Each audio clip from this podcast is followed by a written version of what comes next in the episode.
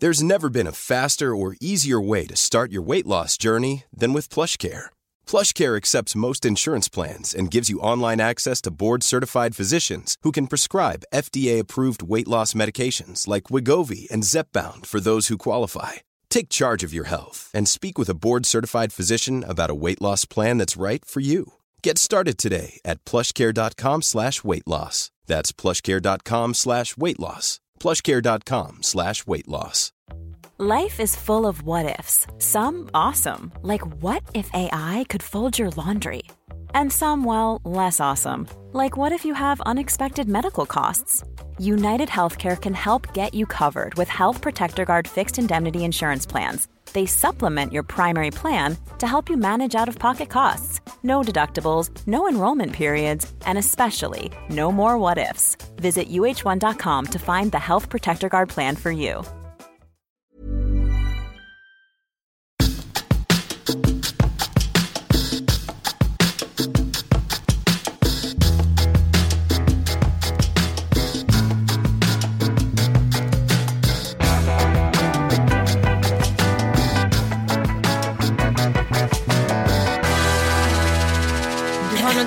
Munnen. Eller runt munnen. Eller vad ska jag säga, nedre delen av ansiktet. Clownen Manne ringde, hon ville ha sin makeup tillbaka. Courtney Love ringde, hon ville ha sitt läppstift tillbaka. Jag tycker det där är väldigt kul. Hej och välkomna till Lillördag förresten. Namnet som nu är snott. Ja! Alltså när du smsade det till mig, ska vi stämma? Jag tror inte vi har en chans. De hade tydligen redan varumärkesregistrerat namnet. Äh. Alltså- Okej berätta nu då. Ja, okej. Lotta Engberg ska alltså ha ett tv-program på TV4. Och det här varumärkesregistrerades i oktober i år. Så vi, det betyder att man kommer på det ganska nyligen att aha, det kanske är en bra idé att vi gör det här. Nej, man ska ha Lille Lördag. Lille Lördag. Varför har inte Lotta vi Engberg. varumärkesregistrerat Nej, jag det här? fattar inte, vi har ju hål i huvudet. Jag pratade faktiskt med min jurist och han sa så här, nästa gång du kommer på någonting Anita då kanske du ska ringa mig. Happy Pussy. Happy pussy. Men vem var det med? Det var Lotta Engberg och Nej, det är Lotta Engberg som har det. Ah, jag tyckte det stod någon annan på bilden som du skickade. Jaha, jag kollade inte på hela länken, jag var så upprörd. Ah, ja. Men det jag ska säga är att du, Det här är alltså Lille Lördag med Ann och Anita, Ja, inte Lotta inte Engberg. Lotta Engberg. Lotta, du har snott vårt namn. Vi förlåter dig aldrig. Bara om vi får komma på Lotta på Liseberg Exakt. och sjunga en Vi sång. hotar dem, ska vi mejla pressavdelningen och hota dem? Säga att det inte är okej, men om vi får komma på programmet så är det men vad okej. skulle vi sjunga? Alltså vi ska också uppträda. Ja, kan vi sjunga tillsammans? Vi brukar ju sjunga tillsammans. Någon Carola-låt? Ja, klart det blir Carola. Ja. ja, men hur som helst. Det är rätt grått väder just nu. Ja. Mm. Man känner så här, okej, det var inte så himla lätt att gå upp i morse. Mitt hår är lite mer som en så här risbuske de la cour. Eh, hyn är lite så här fnasig. Ja, men så här, ja, man är inte superpepp. Men så hittar man ett gammalt läppstift i fickan och tänker, hmm, nu ska jag så här måla, måla fancy sexighet. Även fast det är typ en vardag. Jag älskar rött läppstift på vardagar. Jo älskling, det är jättekul. Men jag sitter alltså i det här mötet på SVT. Det är ändå lite folk, Sanna bland annat som är en väldigt god vän och Ann. Lundell. Lundell. Jag droppar namn här parallellt Ja, under tiden du, bara, du kör lite förnamnsracet med alla. Jag liksom Du som är mer initierad. Ja precis. Ja. Att liksom, jag rör mig bland känneslita. Exakt. Ja. Och eh, det var inget mer med det. Vi, sa, vi sitter där liksom ganska länge och sen går jag in på toaletten och bara, vem är det där som tittar mitt emot mig, den där bleka skatan. Då har jag alltså, alltså läppstift bokstavligen över hela munnen. Jag tror först att jag ser synvilla men det gör jag inte när jag går nära. Det gick liksom inte att få bort. Det blev som en liten fiskclownmun. Doris. Doris. Ja. Varumärkesskydda skydda Doris mun. Ja men nu har jag tagit bort lite såklart. Ja, Nu har du något vitt fnas istället men det är okej. Ja, okej, jag är lite gammal mjölk. Ja, ja, det är inte så noga. Nej, men jag förstår vad du menar och det är så hemskt att folk inte säger till. Ja, men samtidigt så tycker jag det är väldigt roligt. Jag la ut det på Instagram och det är så här real life. Sådana här grejer händer ju hela tiden. Man är överklädd, man går med någon sån här pappers toalettrulle i trosan. Hur många gånger har du gått ut från förskolan med blåa sockerplasten på höll jag på att säga? Igår var jag tvungen att göra det för någon snodde mina skor på Leos lekland. Så jag gick Sluta. iväg som en galen människa. Nej, sluta. Det kan bara hända dig. sockerpalast. Jag bara, håle, håle, håle. Så ganska fin klänning och sockerplast. Men en annan sak som är jävligt jobbig det är också när man misstolkar dresscodes. Ja. Eh, Jag, det har hänt mig ett par gånger i, yngre år ska jag verkligen understryka. Nej jag skojar. Gud vad tråkigt. Nej men det var verkligen jobbigare när man var yngre. Idag kan man bara säga ha ha ha, oj jag läste fel, inte så farligt liksom. Men det var någon gång så jag liksom var väldigt inne på så var så jävla fashion och jag var ganska smal på den tiden och kunde verkligen utnyttja det på ett bra Nu är sätt. du så tjack. Eller? Nej men då var jag jätte, jättesmal och hade så här modellig kropp, kan man säga så då? Ja, absolut. Ja. Eh, och jag gillar ju såna här jätte-V-ringade kläder för jag har ganska så mycket ben i liksom bröstkorg och det tycker jag är ganska snyggt då när man har så här V-ringat för då ser det så här 70-talsglammigt ut. Och kom till någon middagssittning alltså med någon grej som hade sprunn ner till naveln och hamnar mitt emot någon så äldre man som precis blivit frånskild och får liksom sitta och ha hans blick riktad i liksom min lökhöjd hela kvällen. Så mycket för att vara fashion. Jag har aldrig känt mig mer som det stod knulla mig i min panna. Jag, alltså, du vet när de här världarna inte liksom möts. Ja. Men, men han tyckte det var härligt. Han ville ju bara gå hem och ligga med mig, det var det enda han ville. Och det enda jag ville göra det var att springa hem från den här middagen och bara sätta på mig liksom en tjock stickad tröja. För att jag var den enda som hade liksom Och äta glass alla Bridget Jones ur burk. Det var ju någon sån här kulturförening typ. Som satt och så här med stickade tröjor och majsiga liksom. Nej. Ja, hemskt. Ja, men du fick ta igen det sen på prinsessbröllopet. Ja, vilken tur. Den som väntar på något gott. Nej, men det är lite som att man är så här, har en bild av sig själv att man ska vara som jag är så här, jag är lite naturlig. Ja. Jag vet typ, jag säger ofta så här, jag vet inte hur man får minka för jag vet ingenting. Men så tänkte jag att Jaha, men varför måste man ha den där bilden av sig? Det kan man väl liksom revidera. Så när vi var på Gotland nu då tog jag lite så här mascara och kajal när vi skulle till landet. Och så kom mina gamla vänner dit och då kände jag så här, men gud de måste ju tro att jag har blivit helt galen. Ja, du är så storstadsand. Ja, så- ja, men jag kände som att jag hade så här, var en kvissling som jag hade svikit våra Gotlandsideal där man alltid så här lite kiss i trosorna och, och det är ett osminkad. Det kunde du fixa ändå. det är bara att ställa sig upp på en studsmatta så bara Kisseriet alltså.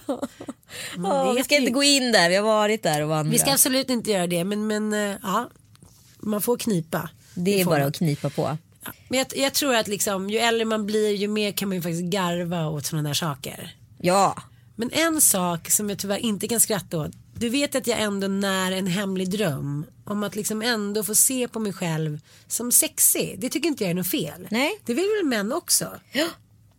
Men jag googlade så här gamla bilder på Ann Södlund och hennes barn häromdagen. och då är det mycket så här att jag har nej men utsläppt hår och inte så sminkad. Det är så här mammaleendet. Ja. Och nu kan jag se på nya bilder att jag vill liksom revidera den bilden. Nu känner jag som att jag är förbi lite träsket. du är övermamma. Ja men alltså jag har ju ett litet barn men jag, jag identifierar mig inte på samma sätt som en småbarnsmamma. Och då vill jag heller liksom inte stå där i min typ dunpäls och dåliga hår och dåliga sminkning och vara så här hej jag är mamma hela dagen. Liksom, jag vill inte det längre. Jag vill liksom att det ska vara lite mer glamour de- få stunderna man kan få det. Och då tänker jag då hur jag ska göra det. Jag har ju sagt till det att jag vill ta bilder. Nej, men jag, vet vad, jag förstår den känslan så mycket. Jag, jag, jag kan säga så här, jag skulle aldrig någonsin i hela mitt liv vilja vika ut mig så mycket i café. Typ. Nej. Så jag skulle vilja just nu. Men nu kommer jag aldrig få frågan, förstår du? Ja, jag fattar. Ja. Nu när man kan, liksom, kan stå för det, man ska kunna göra det med rak rygg, då kommer ingen jävla fråga. Nej, Om man inte gör det själv. som du tänker Vi göra. bara säljer in. Nej men då igår så låg jag på kvällen, precis när jag skulle somna så kollade jag lite på Insta så här, och då ser jag en bild på Carolina Gynning. Jag tycker hon är skithärlig och beundrar henne och allting så, så här, det handlar inte om henne nu. Det handlar bara om att hon ligger i någon sån här pinuppa, nej hon ligger i en svart eh, spetsblus och sen så har hon så jävla snygga läppar och så perfekt läppstift till skillnad mot mig. Ja, men hon, hon är verkligen snygg, alltså hon är så här hot chic. Här, Hon är för fan tangerar till att se ut som typ Marilyn på hennes bästa bilder tycker jag. Ja, ja, men hon har det. Ja, och så ligger hon så här biter i någon så här diamant och så här, nej men Carolina Ginning Jury och då känner jag så här, nej, så där vill jag också, då blev jag avundsjuk på Carolina Gynning. Då ville jag helt plötsligt, ja, det, det kändes bara lite konstigt. Men jag förstår. Och nu känner jag som press för att jag ska göra det här som jag har sagt att jag ska ta bilder, lättklädda bilder och Bingo ska ta dem. För jag bara känner hur ska det kunna bli så här? Jag, menar, jag måste bara visa, kolla den här bilden. Jag vet, hon är superhet. Ja. Så där het ska du också vara. Nu måste jag göra det. Du måste göra det. Ja. Du får ringa Bingo direkt efter den här inspelningen. Men, men jag, undrar, jag undrar lite, jag tycker inte att det är viktigt att jag ska vara en sexig kvinna men jag skulle tycka också att det var kul att kunna se liksom jag tänker på det när jag och Sanna är på bilder till exempel Ja. på en premiär. Själv står jag liksom som att jag ska spela fotboll och någon ska säga, skicka in tio bollar mellan mina ben. Är det för att du alltid har tights på dig? Det är för att jag aldrig har lärt mig påsa.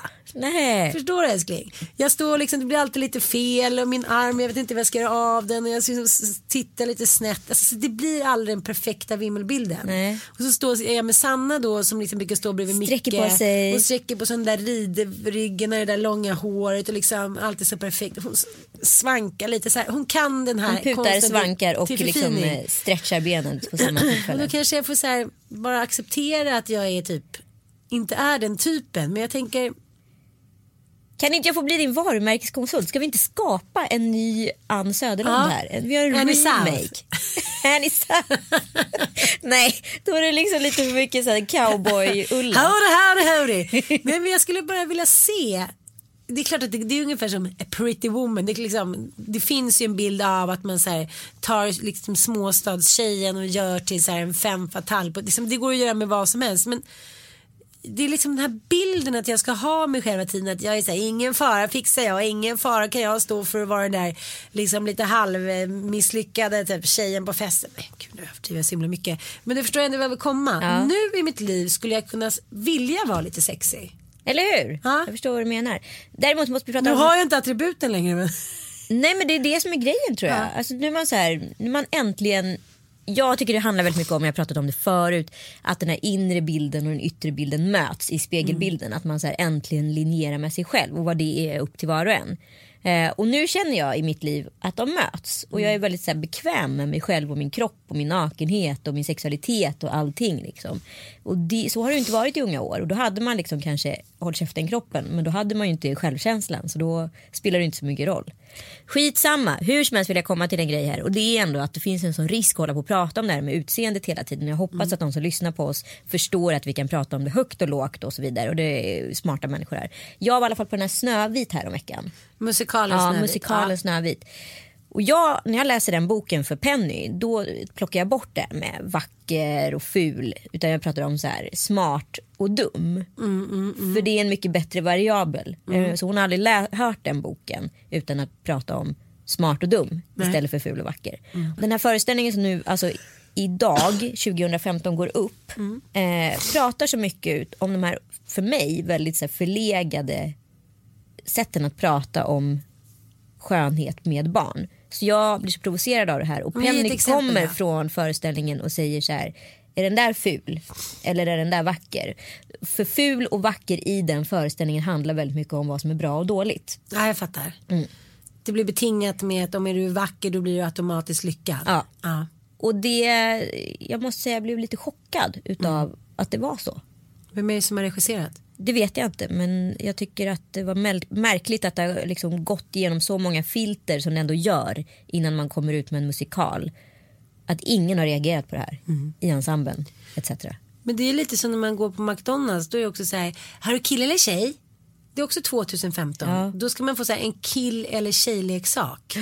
Då tänker man sig det är världens största företag. De borde vara otroligt noga med att liksom använda hen-begreppet. Här är kille eller tjej, här är kille eller tjej. Jag vill bara säga så här, skit i det du. Ge mig, alltså, Ja. Jag har barn. Ja, jo, men det är verkligen märkligt och jag tycker så här tvärt emot vad alla säger så blir det bara mer och mer liksom infållat att killar ska bli mer och mer killiga och tjejer mer och mer tjejiga. Jag, tänkte, jag skulle vilja rita en design, liksom design, eh, design, jag skulle vilja designa en serie kläder för barn där killar har fjädrar och pärlor. Liksom, man kan, behöver ju inte så här, ha rosa på allting men varför skulle inte killar tycka att det var kul att vara liksom lite Mick Jagger goes Ja exakt. Feather. Och Varför- hur många killar vet jag som målar naglarna? De älskar ju att måla naglarna. Men tycker du att det har blivit mer liksom tolerant? Jag tror det som är, jag tycker kännetecknar alla typer av så här, eh, samtidsfenomen på ett eller annat sätt. Det är när man säger att någonting ska vara på ett visst sätt och jobbar jättehårt för att det ska vara på ett visst sätt. Då tenderar det till att hela tiden bli en motreaktion. Förstår du vad jag menar?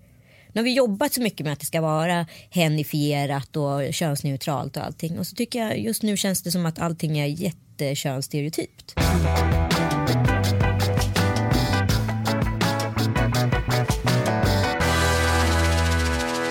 Jag tänkte på en grej som är väldigt bra angående det här. Det är ju Bachelor. Jag, tycker att, jag älskar till att börja med det programmet så mycket.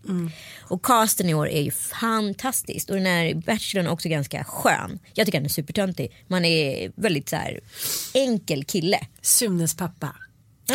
ja men typ Sunes pappa i förlängningen. inte det också väldigt konstigt att Sune-filmerna som handlar om någon typ av barnantihjälte nu handlar om Sunes pappa. Mm. Men är det för att liksom Morgan Alling har blivit så här larger than life? Så de så vill fokusera på honom för att han drar folk? Eller varför har det blivit så? Jag har ingen aning men nu är det bara, alltså, det handlar inte längre om Sune, det Nej. handlar om Sunes pappa. Ja. Skitsamma, den här bachelorn i alla fall är väldigt bra. Men det som är så intressant är ju det här, det här sociala psykomasspsykosen som uppstår i det här lägret bland tjejer.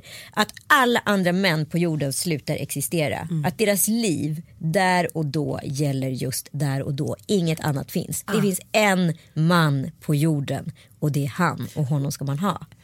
Ja och det är så här, den killen kanske de inte alls hade ens tittat Nej. åt på en krog i Tennessee. Exakt. Jag är väldigt intresserad av den där psykologiska liksom, vindlingarna som sker i ens hjärna.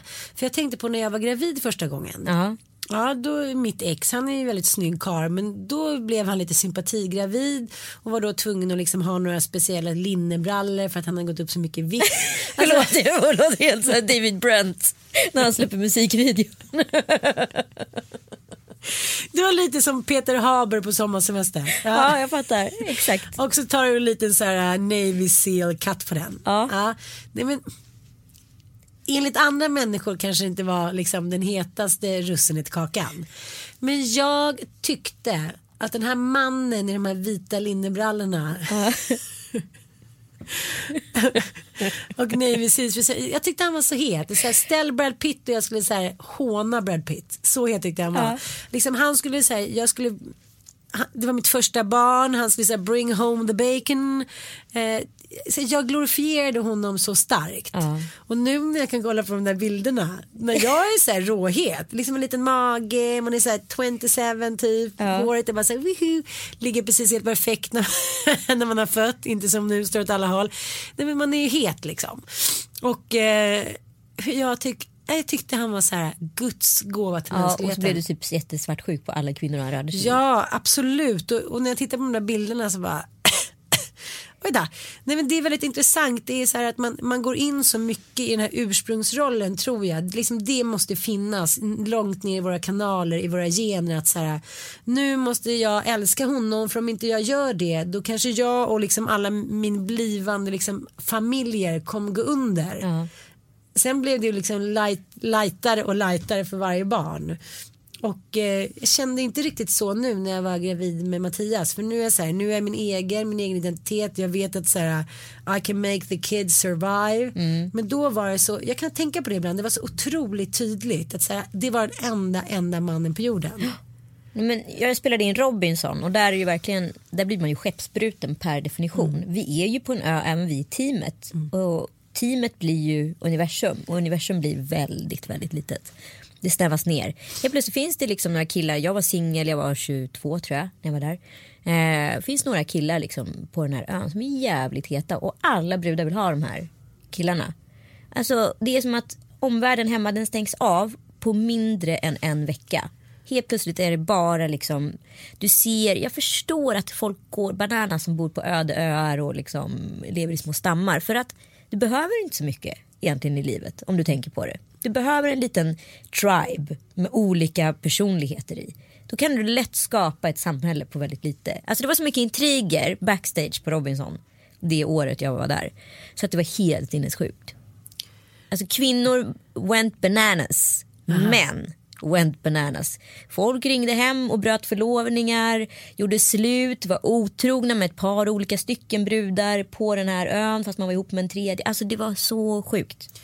Men jag, jag har varit med i, liksom, i några sådana här, vad ska man säga, eh, kontexter där man är borta från allt från två dagar till liksom tre veckor. Ja. Och det slår mig så fort, att det går så fort att bli en grupp. Som liksom slår ut allt annat. Det var som när jag var på Kändisdjungeln där. Då var jag borta, liksom, då låg jag i det där lägret i 10 eller 11 dagar. Och sen så var jag borta allt som allt i tre veckor. Och nu var det så här, det var ju, de killarna var ju Mickey D. Eh, Gud vad elaka vi är. Alltså. nej men så. Det var inte så vi menade. Eh, Vad heter han? Frithiofsson, vinkännaren på TV4. Ja. Eh, Kenneth Andersson, han dansbandssångaren. i Alltså Vik- fotbollsspelaren. Ja. Var han med Ja. där? Han dansbandssångare i Vikingarna, vad heter han? Nej inte Vikingarna utan vad heter det andra dansbandet? Ja. Han med topé. Han med topé? Stefan Borsch? Vad heter han? Olle? Ja, det var inte de hetaste herrarna I hagen? i hagen. Nej. Inte enligt mig, men det kanske många andra tyckte. Däremot var det ju två heta ladies, Jannike Björling och Katarina Hurt- Hurtig. Ja. Så vi låg i någon litet ba- basecamp där. Men det var någon mer man Ja, det var en till och det var ju eh, Rafael? Rafael Edholm. Men just här så funkade inte riktigt våran psykologianalys. Nähä. Nej, för att han kom ju dit, eh, man märkte att han kanske inte riktigt ville vara där. Eh, han ville egentligen spela in svåra filmer. Och han kom ju dit och visade med all tänkvärd önskan att han så här, inte alls ville vara där. Han var bättre än er? Ja, mycket bättre än oss. Och då var det som att då tog, jo det här är psykologin i det. Då blev det ju flugornas herre. Mm. Han tog avstånd från den hom- homogena gruppen och, trodde, ja, och ville bli en påfågel. Och det liksom passade ju inte oss och vi var ju också starkare Mm. än honom. Så att han hamnade liksom utanför. Och det blev inte alls den där känslan att man ville ha, han höll på och tränade och gjorde sit-ups och sprang, joggade i det där minilägret och så här, skulle börja bråka med insatsproducenterna att han ville ha vissa grejer som han inte fick och sådär. Han ville liksom vara en diva in the base camp och det föll inte ut i, väl i god jord. Nej men och det är det lite som var på backstage på Robinson där. Det var inte alls de per definition snyggaste männen Nej. som var de som man ville ha. Utan man ville ha de männen med mest färdigheter. Det kunde vara sociala färdigheter. Det kunde vara liksom Göra en eld. Ja men typ, nej men alltså så här, den som var roligast gick det bra för. Den som var starkast gick det bra för. Den som var mest så här, det var någon som var byggledare där som var jävligt het. Han, det, det, men du, du förstår inte hur fort primaten kopplar på. Du vill ha liksom de männen som så här, kan överleva. överleva. Ja. Och det är så knasigt. Men, men det är också tänker på det här programmet Gifta direkt eller vad det heter. Ja, Men, alltså, ja, men, jag- men hur sjuk, den idén är briljant. Men jag bara tänker så här, de gifter sig, de blir ihop. Sen ska de liksom gå hem då. Men, alltså, det är så konstigt. Och det är därför jag också, vissa dagar när jag har bråkat med min karlslok, liksom det är extra jobbigt och vi har olika familjer och ungar och liksom jag vill vara med det och han vill vara med det.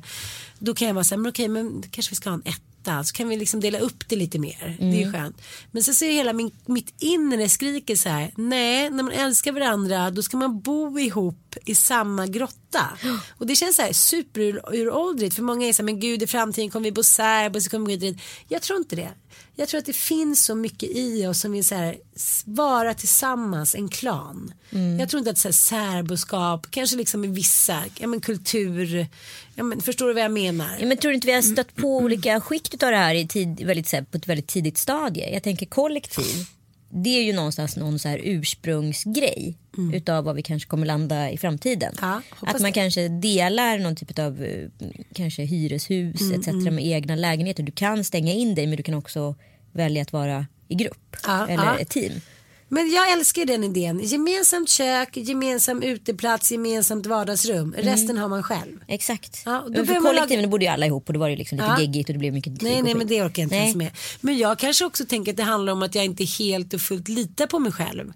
Att när man inte bor tillsammans och liksom inte äger varandra. Det var inte alls det uttrycket jag skulle säga men i varandras skit om vi ska säga så. Och liksom man får hitta de där magiska ögonblicken som man måste kämpa för. Om man bara ska vara så att man liksom dejtar och ses när det känns bra. Då tycker jag så att då har man inte valt varandra fullt ut. Då har man inte valt varandras tåsvett och fisar och dåliga nätter eller liksom utbrott. Så här, då har man valt att liksom ja, ta det fina liksom, av det fina. Och då känner jag att, eh, jag vet inte, det handlar om det att lita på sig själv. Då kanske man så direkt mer tar avstånd och då kanske det blir lättare att bli lockad av någonting utanför. Jag vet inte, det kanske Men bara handlar om mig själv. Det blir ett väldigt kliniskt sätt att förhålla sig till eh, kärlek. Ja. Jag tycker det var väldigt intressant. eh, Lena Philipsson kommenterade sitt uppbrott med sitt ex numera. eh, med. Det kändes inte 100%. Det är väldigt starkt sagt. Ja. Eh, förstår du vad jag menar? För det är ingen, alla säger så här, nej men vi växte isär, vi var för olika, bla bla bla. Men så här, det kändes inte 100%. Det finns något oerhört uppriktigt i det. Mm. Men jag tänker det också som... Vad är 100%? Ja men 100 procent då är det ju faktiskt att man ska, eh, det kan skava men det gör inte ont. Förstår du? Jag kan känna som Mattias och mig, det är verkligen, vi har inte ett- en perfekt relation. Men vi pratade faktiskt om det i bilen häromdagen, att i andra relationer har man varit så här, undrar verkligen om det här är rätt liksom. Och, ja, får se, kanske skulle man kunna, hmm, hmm. Man sitter fortfarande med den där lilla springan öppen, man har liksom en liten millimeter öppen. Man tänker kanske lite alternativ, man tänker att den andra kanske liksom inte riktigt passar en hit och dit. Det är kanske inte så bra, vi kanske inte har det, de referenserna litterära, vi kanske inte hit och dit. Så var kanske man var lite mer i, ja, i början eller hur det är. Men nu är det så att, det är så att dörren är stängd på ett positivt sätt. Okej, han kanske inte läser böcker i samma utsträckning som jag. Jag kanske inte liksom bryr mig om golf eller vad fan det nu är. Nu lät det så jävla liksom Elitistiskt. Ja, elitistiskt och liksom, ja, men allt från, så här, allt från hur vi vill ha det hemma eller vill laga mat eller hur vi ser på saker är inte helt lika. Jag skulle säkert kunna hitta en man där vi liksom eh, matchade varandra på ett annat sätt. Men vi har samma värderingar, ungefär samma uppväxt, vi kommer liksom inte ge upp och jag tänker inte att det finns något alternativ. Jag tänker så här, jag vill vi kanske inte tillsammans kan leva liksom exakt som vi gör just nu hela tiden. Vi kanske får så här, dela lite på oss då och då eller vi får hitta så här, lite snygga bra alternativ så vi alla kan andas. Men jag vill ha honom som min man. Och det finns liksom ingen annan där ute. Jag vill, säga, jag vill ha honom, jag vill verkligen ha honom och då får man så lösa resten. Exakt. Jag tycker många är så väldigt så här, här har vi man och kvinna, vi har skapats av liksom Gud och det är Adam och Eva revben och så är barnen där och "Uh, nu sitter vi ihop och vi kan liksom inte, det blir orättvist om mannen får göra så eller kvinnan får göra så, vi kan inte leva varandras drömmar utan så här, det ska vara så här och det gör ju att folk kvävs. Det ser man ju liksom exempel på överallt. Och folk kan inte prata med varandra. Man sitter på middag och tänker så här, men vad fan, hur är det ens möjligt att liksom, de lever ihop? De kan inte ens prata med varandra. Men det är ju så ändå väldigt bra med dig Ann. Och Mattias med för den delen. Ni är ju väldigt så här adresserande av situationen. Ni kan ju säga så här, just nu är det inte speciellt bra. Det, vet du hur stort det steget är för väldigt många? Mm. Jo, jag Alltså, vet det, ju det. Alltså, alla bara kväver och går vidare och tänker att så här, det löser sig själv. Och så om vi bara stirrar liksom rakt fram och inte och tittar åt sidorna. Men så är det ju inte. Alltså, så här, ett förhållande är ju någonting som båda måste jobba på. Det kräver ju inte bara att en gör utan det kräver Nej, att båda och gör hela det. tiden. Och hela tiden. Det, jag tycker att det är jobbigt att tänka på hur mycket jävlar man måste jobba för att ha en bra relation. Jag kanske inte har velat liksom ha det i samma utsträckning innan. För jag känner så här, jag jobbar på. Ja. Jag är en ardennerhäst som bara.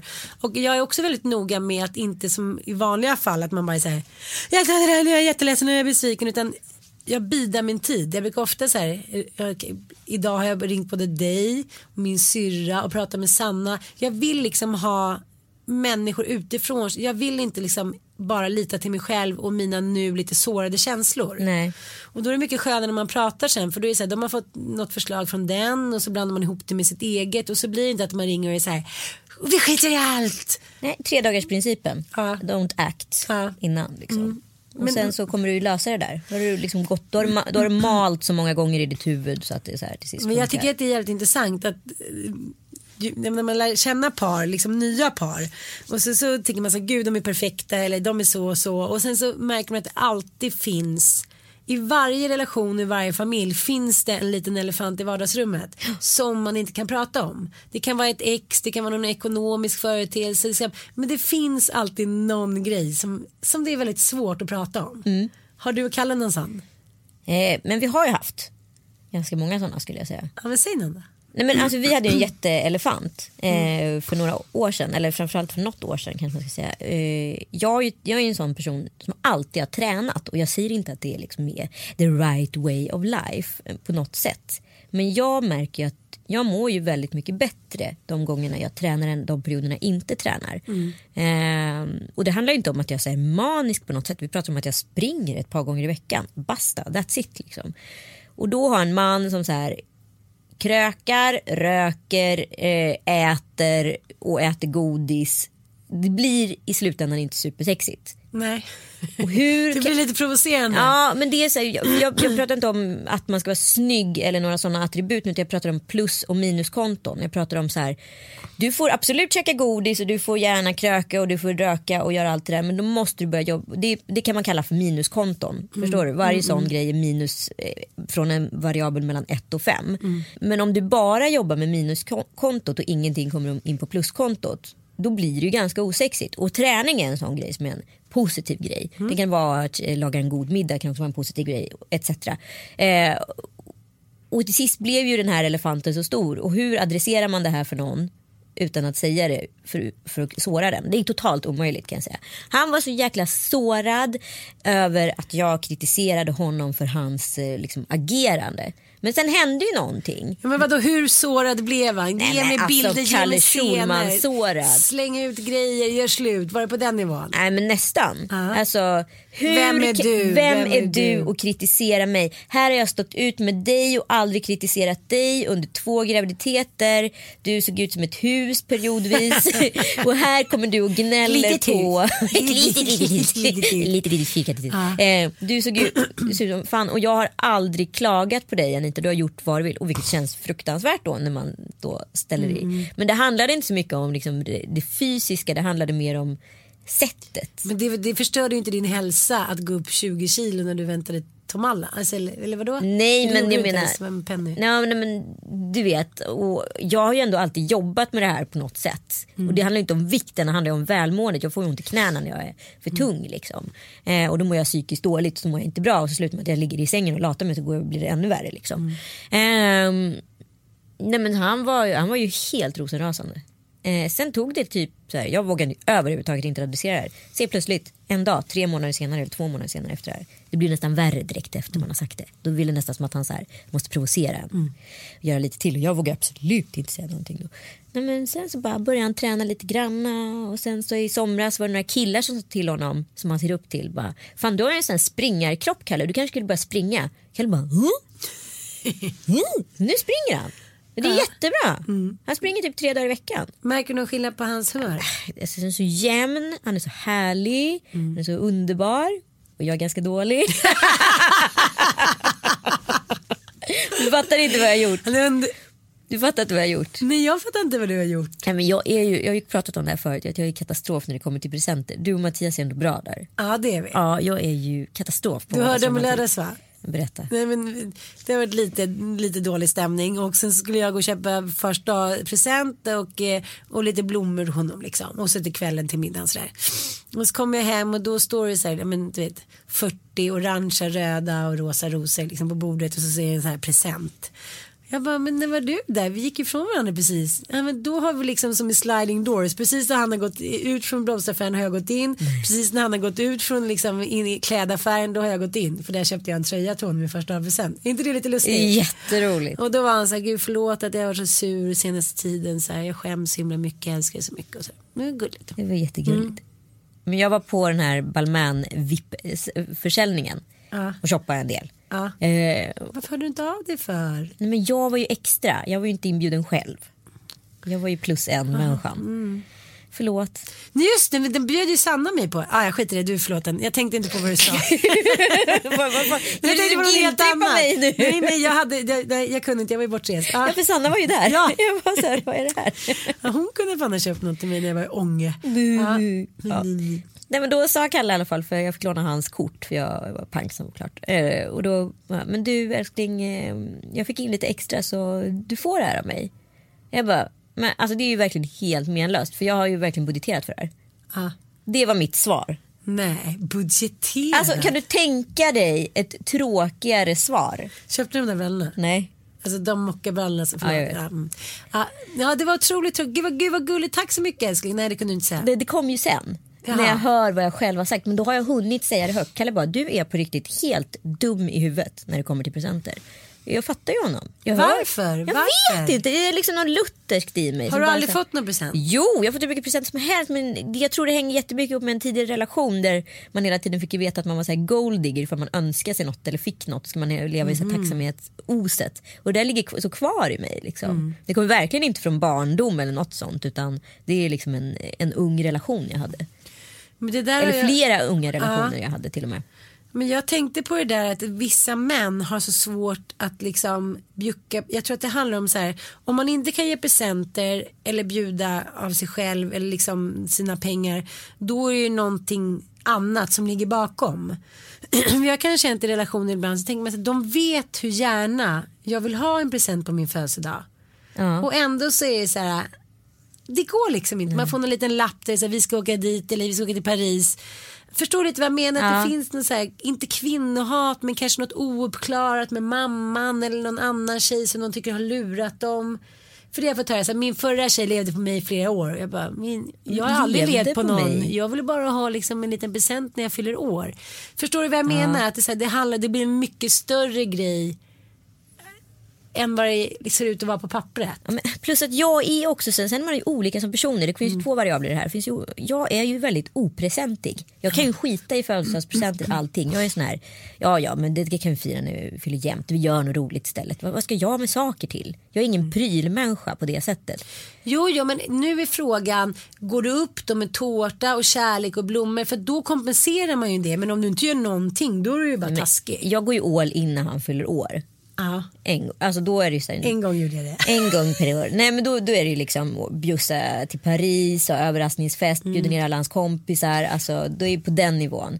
Eh, och jag håller på att planera hans födelsedag nu. Och, ja, men, vet, och då tar det fokus från det andra och det är också dumt för att Kalle är mycket mer vardagsgåvogrejen. Så såklart så missade jag första. Som on top of it. Alltså på samma vecka, två så här dunder nedslag. Han är så här du är liksom inte sann. Du är på riktigt inte sann Anita. Man kan inte vara så här dålig. Nej, det kan man nästan inte vara.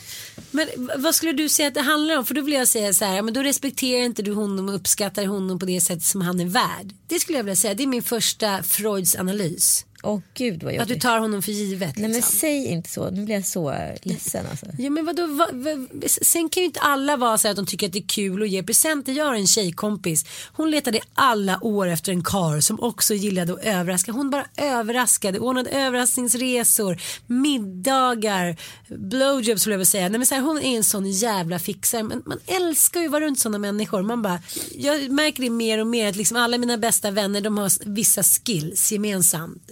De kan liksom koka soppa av en spik, de älskar inredning, de slår in allt så fint, de är, så här, de är esteter utöver det vanliga och det är ordning och reda. Ja.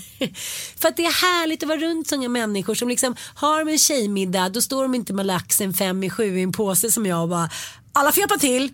Utan då är liksom, de har hållit på hela dagen. Det är så här isar, det är drinkar, det är, du vet. Det är så här, man känner sig omtyckt och älskad. Men jag är så jävla dålig på det. Jag måste bättre men jag vet det. Ja, men jag att kan man inte behöver skylla på något in, längre. Mm. men, men så här, lite då och då. Och det går inte att skylla på. Det är som jag säger till Mattias. Jag är också stressad men jag hann ändå köpa en liten present till dig. Alltså förstår jag, jag menar, jag tycker det finns ingenting att skylla på i den moderna världen. Okej om vi bor så här på Sri Lanka på en ö. Okej då är det svårt att ska liksom fixa en, en, en flaska bubbel och liksom en liten present. Men skyll inte på det i Stockholm eller i Sigtuna eller i Ånge. Det finns i alla fall en jävla järnaffär. Gå dit och köp en kopp som det står prutt på. Eller så här, jag tycker ändå det låter så himla ytligt men man måste ändå visa uppskattning. Du jag älskar ju. Kalle över ditt liv men då tycker du så här, det är hans grej gentemot mig. Nej men alltså förstår du, han ger mig presenter Ja. och jag blir sur. Sen glömmer jag också bort att ge presenter och blir sur på honom för att jag tycker att han är så kvinnlig där. Nej, jag får skärpa till mig, så är det bara. Men jag tror att det handlar om, jag, har, jag återkommer hela tiden när Mattias hade varit i USA precis när vi träffades så hade jag varit inne och köpt tre billiga parfymer. Alltså jag säger billiga för att Ah. jag ska visa min tacksamhetsskuld och också jättefina underkläder på Victoria's Secret. Och vi var ute i skärgården och han hade så här, men, vi skulle träffas klockan halv elva. Jag hade så här hittat på att jag var tvungen att sticka iväg för jag var tvungen att träffa honom så jag hade fixat barnvakt egen far eller vad det var. Eh, eller om det var mitt ex. Ja, jag skiter eh, Och han hade så här dukade upp där mitt in i middle of nowhere i skärgården. Värsta buffen. Nej. Så skumpa och olika skinkor, ost och meloner och hit och dit. Och sen så den här stora randiga eh, presenten. Och jag blev så, här, så, så tacksam så att jag, liksom, jag kunde inte hantera det. Jag blev så rörd och glad och jag tänkte så här, menar, att den här mannen och han tyckte så här Jo, jo, men liksom jag, han skämdes för att han tyckte att han hade köpt för billiga presenter. Och jag gick omkring på det här paketet på den här ön i vår fula lilla stuga och bara Jag måste bara ta med mig den. Jag måste bara ta med det, det var bara så, här, så himla härligt att känna att någon har gått och, nummer ett, någon har gått någon annanstans och tänkt på en så här, Mm. vad vill hen ha? Och det kanske den skulle bli glad för. Släpat med sig det hem och sen så också så här tyckte att det var så självklart för att liksom man är älskad och då visar man uppskattning. Så tänk på det, det handlar liksom inte om grejen i sig, ibland gör det. Men förstår du vad jag menar? Ja, jag man vill bara veta precis. att den andra tänker på en.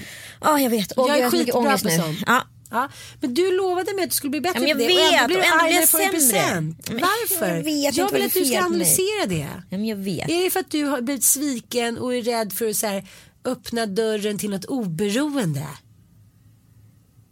Nej. Jag vet inte riktigt vad det är. För så kan jag vara med att jag vill Jo. inte låna pengar av någon. Jo, för då det- känner jag att jag är oberoende. Jo men okej, Mm. det är det. Det är det. För att eh, Kalle säger till mig till mig, din stora, den största faran med dig är ju faktiskt du själv. För du är så pass oberoende så att du skulle kunna skita i alla. Mm, Och i, längning, i förlängningen blir ju det en egoism. Ja. Och egentligen och grundläggande är ju bara det en rädsla. Mm. Eh, men det är ju också fruktansvärt respektlöst. Och jag älskar ju den här mannen överallt på jorden så jag förstår ju liksom inte varför Mm. jag inte tänker. Och det, går, det blir uppenbarligen inte bättre. Mm. Du får ju typ snart smsa mig och, glöm, och säga så här, glöm inte att köpa första present eller någonting. Men jag eh, har en kompis. Samtidigt som han är tramsig åt andra hållet tycker jag. Jo, som är så okej. presentig. Jag tycker det. Jag kan inte låta bli. Men jag ska säga att det finns en fara i det. Att inte ta de känslorna på ansvar. Men jag vet. Jo för att det, du tar inte hans kärlekskänsla på allvar. Min kompis var sådär oberoende, skulle vara cool, leva sitt liv. En dag sa han bara såhär, jag har träffat en annan, jag orkar inte med att du aldrig släpper in mig. Så det händer i förlängningen om du inte släpper in honom. Fast du släpper ju in honom. Ja men jag gör Ja, ju det det. Jag gör tycker jag är bra på andra grejer. Fan vi ska åka till USA nu. Jag har bokat hotell och fixat alla där. Jag har inte gnällt över någonting och inte avkrävt honom på någonting. Okej, men nu när du går hem idag då ska du köpa någon liten present till honom. Jag betalar hotellet i USA. Ja, ja men köp bara så här. Förstår du vad jag menar? A token of love. Ja, och det kan vara en liten, en liten kalsong eller en liten ros eller typ Ja, jag en, ska- så här, en pruttkudde. Jag ser det som ett mission. Jag ska göra det precis och sen ska du smsa Kalle till mig när han är lycklig och du ska även lägga ut det på Insta. För jag ska bara säga så här, även fast många säger men jag gillar inte överraskningar, överraskningsfester är det värsta jag vet, jag vill ha kontrollen hit och dit. Men hur lycklig blir man inte? Det är som nu, nu ska vi ha en överraskningsfest för Sanna, det kan jag säga eftersom den här podden har inte kommit ut då. Och imorgon då när hon kommer hem från sin långa dag på SVT då kommer vi alla stå i typ varsin färg på peruk och liksom så här galna partykläder. Vi kommer ha gjort så här värsta buffén och skumpa och vi kommer bara så här hylla henne en hel kväll. Gud vad roligt. Är inte det underbart? Fantastiskt. Det har aldrig någon gjort för mig. Säger det någonting om mig? Att jag alltid har varit med barn. Det säger någonting om dig ja. Han tycker liksom att ditt liv är en fest. så att därför, Folk tycker inte att jag är värd det. så därför ska du inte firas. Hon har så roligt ändå. Alltid Mattias. Du, är ändå, du blir ändå älskad och har så roligt. Det är ah, så konstigt. Sluta vara sur nu. Du jag tänkte på en annan rolig grej för att byta ämne. Idoldyrkan, Mm. inte det fruktansvärt spännande också? Jo, vem är, är det nu du dyrkar? Nej, men jag bara tänker på när idoldyrkan är väldigt intressant ur psykologiskt. Alltså det är någonting man skapar själv. Alltså du bygger en person i dig själv. Ja. Som egentligen bara visualiseras med ett ansikte. Du känner ju inte den här personen. Kan vara en filmstjärna, kan vara en sångare, kan vara en politiker. Inte fan vet jag liksom. Men den här personen växer inom dig för att du så här, kanske researchar den, kanske läser intervjuer, du kanske liksom landar någonting hos dig som Ja. Och det behöver inte ens vara saker och ting personen säger för den kanske egentligen är totalt osmart, det vet du inte. Men du bara älskar den här personen på ett så knasigt sätt. Jag var helt besatt utav Oasis när jag liksom var i tonåren. Liam då. Liam. Gallagher såklart. Unibrown nummer ett. Jag tyckte att han var så vacker, så vacker, så Men han vacker. var ju det. Ja, men Nej, han herregud, helt perfekt. vilken snygging. Perfektioner. Perfektioner. Mm. Och det fanns liksom en kille i Örebro som var lik honom. Alltså lik-lik. Alltså lik, lik. Och han hade också förstått det här själv så att han hade skaffat samma look. Aha. Alltså jag var så besatt utav Liam så jag gick alltså hem och låg med den här killen vid flertalet tillfällen. Bara för att han var lik Liam. Den här killen var ju en supertönt. Alltså han var ju en supertönt som inte hade koll på någonting och han var dessutom jättekorkad. Ja, men hur var han i sängen då? Ja, men det, var, det var fantastiskt. Men det spelar ingen roll för jag tror att jag hade gått igång på den då för att jag var så inne på att jag låg med Lia.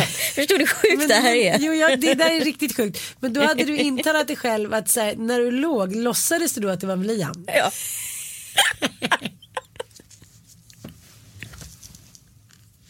Nej det är skabbigt, det är skabbigt. Och hur länge höll det där i sig? Typ ett halvår, kanske ett år kanske. Snedpippa på en annan gång till. Nu när någon frågar då säger du att jag har legat med Liam. Mycket bättre. Åh herregud. Åh, jag orkar inte. Men du har inte gjort någon sån här idolgrej någon gång? Idolgrej. Jag, jag gick hem med en gift fotbollsspelare en gång för att jag tyckte han var lite så bra på fotboll. det kanske inte var så hett. Jag hånglade också med, vad hette han? Jag vet inte, jag är ju liksom ingen starstruck person. Jag är så här, de enda liksom, som jag har gillat det var ju typ Hasse Karlsson i Noise och eh, typ Det här är så här, det här är så här liksom förbi våran målgrupp så jag kan inte ens referera till vem den här personen och. Johan Ekelund Ratata som nu är en av mina bästa kompisar ihop med. Så det känns ju kanske inte, nej fan jag har liksom inte snurr, snöat in på någonting. Jag har liksom snöat in på mitt eget liv på något sätt. I'm so high on life. Ja i och för sig. Livet är en fest. Ja. Fast det var ju, hade inte med det att göra. Den där surfaren, Andy Laufel som jag var så kär i, Som redan pratat om. Ja, men han, hade ju, han såg ut som Rod Stewart. Jag hoppas du pratar om unga Rod Stewart och inte liksom nu. Ja och det tänkte inte jag på. Men, men alltså, han hade de där blå ögonen, precis den frisyren. Men han var ju som en gud tyckte jag. Ja. Och just den här känslan av att man aldrig förstod så här, men vad ser han hos mig? Ja. Sen när man kollar på bilden nu så bara, det är klart att han såg någonting hos mig liksom. Men, Ja, ja, visst. ja men då var det så här, att jag har fått honom liksom. Men det var ju verkligen sådana saker som kan förstöra. Ja. Ja, men, Vadå? I love you one. I come to Sweden this summer. Jag bara, okej, men vi kan bara vara helt tysta. Jag tittar bara lite. Jättekul. Ja, men det är roligt med sådana saker som man tycker alltid är perfekt. Och så händer någonting. Det liksom. Och det kan vara en liten grej. Att Det kan vara så- en som näsvisslar hela tiden. Ja, eller en kille som jag träffade som jag skittjej i, men så smackade han när han käkade popcorn. Och satt och fes lite och jag kände så här, Mm. Men, du, ew. ja, vi, nu är vi så här, vi har precis träffats och han ska sitta så här flauntigt. Det måste ju finnas någon form av så här att det går neråt efter ett tag. Inte att man börjar med att så här fjärta och sitta med öppen dörr och Nej, nej, nej. Fortfarande det ömsesidig måste finnas respekt. fler sådana roliga grejer som förstör liksom att man är snålhet. Ja men snål. Men jag hade ju en kille på riktigt som sa till mig om han bjöd mig på lunch, nu pratar vi 65 kronors lunch för det här är liksom 90-tal. Eh, på en sån här Kina-restaurang, då kunde han säga till mig drick upp kaffet älskling för jag betalade 10 kronor extra för det. Nej. Och han så här, hoppade och jublade när så här, rabattkupongerna på ICA kom. Liksom. Nej, hur gammal var han?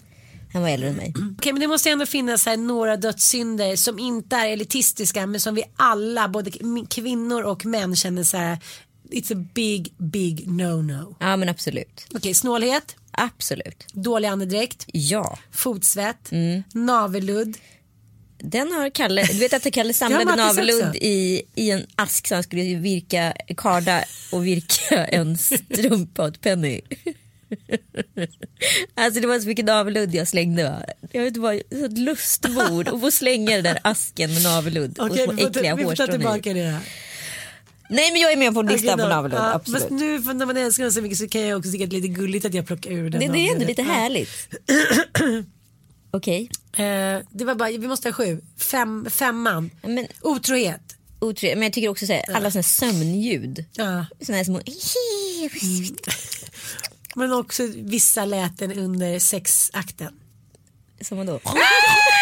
Ja men man har ju haft alla liksom ylande katten till så här. Ja men till. Jag hade, jag hade en som så här stånkade och lät som en gris när han kom. Alltså det var det värsta. Får jag höra? Alltså så jävla obehagligt va. Förstår du att man kommer Du av bara, sig Är själv? det jul snart? Är det jul? Ja, men du vet man är på gång och komma och så kanske man lyckas tajma den här komningen och sen ser plötsligt bara... Då bara du, så här, allt stannar ju av liksom. Vad fan gör man?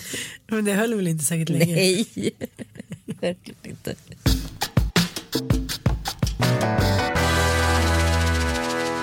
Ska vi vara lite politiska?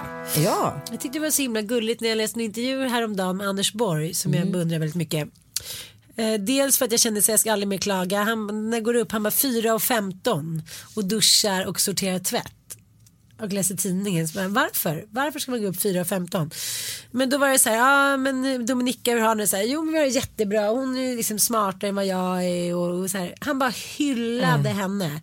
Inte på något så här, åh jag är jättekär och liksom, han gjorde det snyggt. Det var så här, på ett, hon var smartare när han var, mer rörigt liksom intellektuellt. Han hade, hon hade en helt annan kulturell.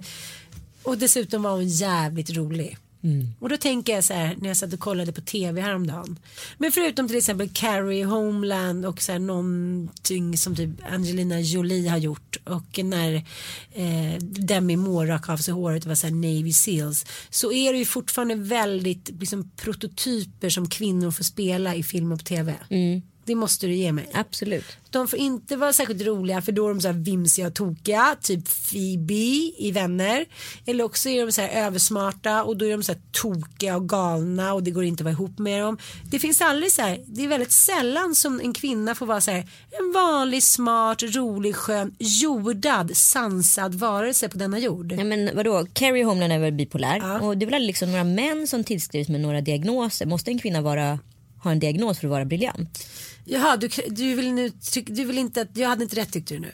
Jo men det är också intressant att man måste dra skruv, alltså alla, alla briljanta kvinnor måste ha Mm. någon typ av varför de är briljanta. Absolut, man kan inte bara vara briljant utan Nej. det måste finnas något bakomliggande. Exakt. Men varför är det så? Jag vet inte. Det är skitkonstigt. Jag, tycker, jag tänkte jag såg med mina barn två two and a half men med Ashton Kutcher som heter Hej jag är lite nördig fast man bara vill typ så här, trycka upp mot en vägg och så här, hångla upp honom. Och då var det en så här lång sekvens där han dejtade olika tjejer. Och jag ska vara helt ärlig, det var ingen som framställdes som normal. Antingen hade de så här PMS eller också bantade de och satt med någon så här bantardryck eller också grät de eller också var de helt galna och var så här, ville ta bilder eller ville åt hans pengar. Liksom, det framställs aldrig som, att- som inte som att det fanns en enda jävla normal tjej på denna jord. Och sen träffade han till slut någon som han skulle dejta och hon verkade liksom normal och då när hans polare då, den här, vad- jag vet inte ens vad han heter, kom hem på natten då låg Ashton Kutcher liksom bunden med typ en boll i munnen. Så då var hon sexgalning. Och det här sitter man bara så här och sväljer. Det sitter jag med mina söner och kollar på. Jag, jag fan spyr. Vi måste köra vår 70-tals mammaserie. Ja, Katinka och Bettan. Ja.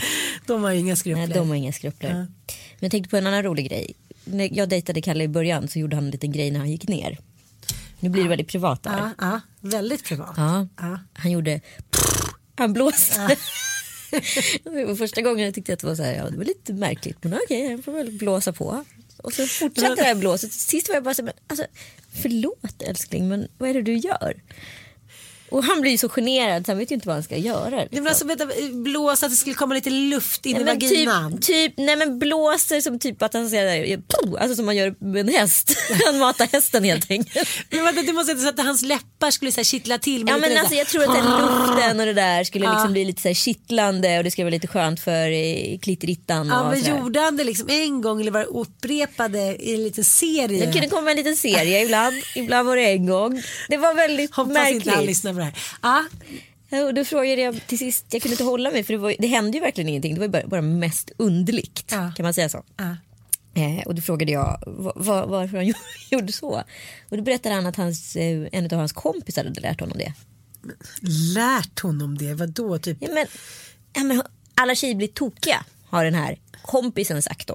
Jaha. Det här blir alla tjejer tokiga. Och då tänkte jag väldigt mycket på det att det är så roligt att det ändå går runt sån här alltså urban legends både bland tjejer och bland killar vad som funkar i sängen. alltså per definition så ska du ju inte liksom ta så här avsugningstips av en tjejkompis. Det ska du ta av din bögpolare. För om det är någon som vet hur man suger kuk så är det väl ändå bögar. Anita sexhorden dök upp från ingenstans. Ja, men va- till slut var du tvungen att säga det här Men det är ju så honom. roligt att det går runt såna här små tips man har. Jo men då, då, då, då, då tycker jag vi fastnar i det här, för det här är någonting viktigt. För kvinnor har ju väldigt svårt att säga vad de vill. Och då är det vissa män som är så här, säger du vad det här är, jag gör det. Och man bara, Okej, kanske bara kan vibba av lite så här. Det som du tycker verkar vara skönt kanske jag också tycker verkar vara skönt. Det är inte så här, vill du ha så här, vill du ha så här. Nej, men då blir det som att så här, nu är det liksom ett fabrikat som ska, ska stekas, grillas, marineras. Det är så här, kan vi inte bara go with the flow. Men om du vill ha något så här våldsamt och hit och dit, jo men det kommer väl naturligt, gör Exakt. inte det. Så det tror jag liksom är mitt enda råd. Men sen så kan det ju vara vissa människor som har speciella böjelser. Men de har vi pratat om. Jo jag vet men då får man liksom ta det därifrån. Ja. Jag skulle aldrig orka leva tillsammans med någon sån. Det känner jag. Nej, inte jag heller faktiskt. Du... Eh... jag. Jag skulle bara vilja avsluta med en sak. Jaha.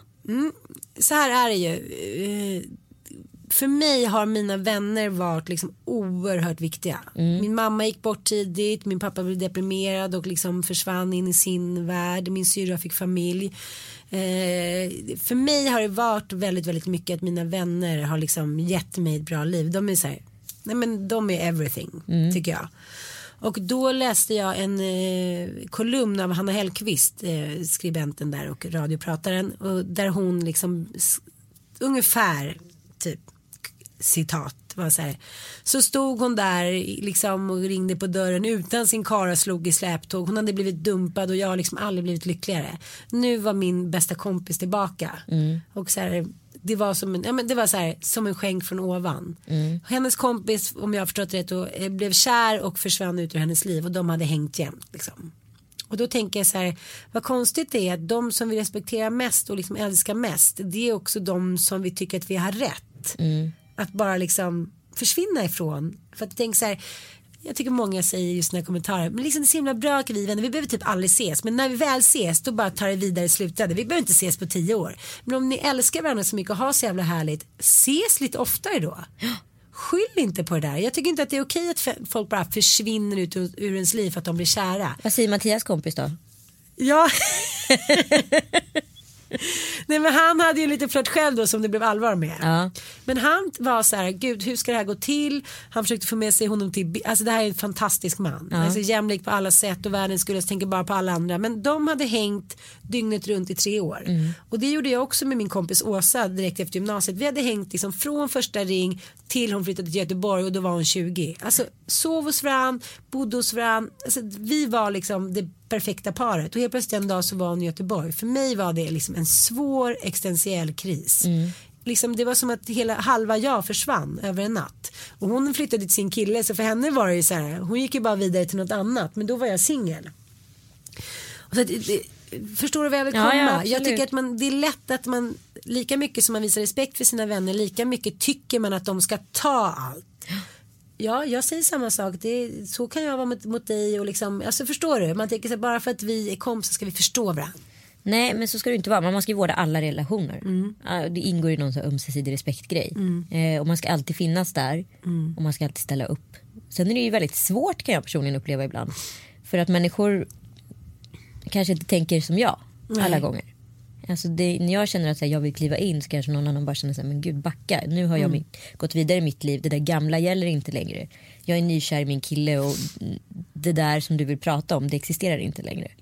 Nej, precis. Man kanske vill ta vidare när andra Mm. har gått förbi. Och det blir jättekonstigt. Det är som vänner som vill att man ska vara kvar i samma roll som när man var 16. Och så är plötsligt så känner man att jag vill inte vara det. Jag är inte den personen som var det. Nu måste du se mig med nya ögon och så vill inte den det. Det går inte heller att umgås. Nej men jag tycker, jag tycker generellt måste jag säga att det är väldigt svårt när gamla tjejkompisar typ träffar nya partners eller gamla singeltjejkompisar går in i nya relationer. Då försvinner de från jordens yta och liksom omvärderar sig själva och går igenom någon typ av metamorfos, kommer ut på andra sidan.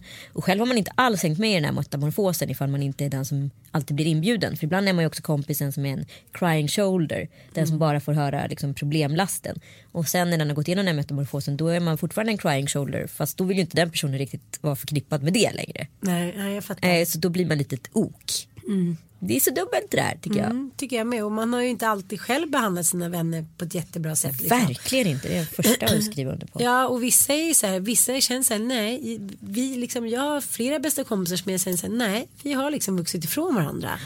Och då, det är så här som att göra slut med sin kompis, men jag vet inte, men då blir man ju så feg och säger att man inte kan träffas och hör inte av sig och liksom bla bla bla.